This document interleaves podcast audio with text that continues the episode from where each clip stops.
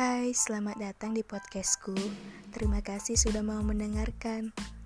Ini hanya sekadar suara yang mengutarakan rasa. Walau rasa tak harus disuarakan, tapi rasa wajib didengarkan. Selamat menikmati.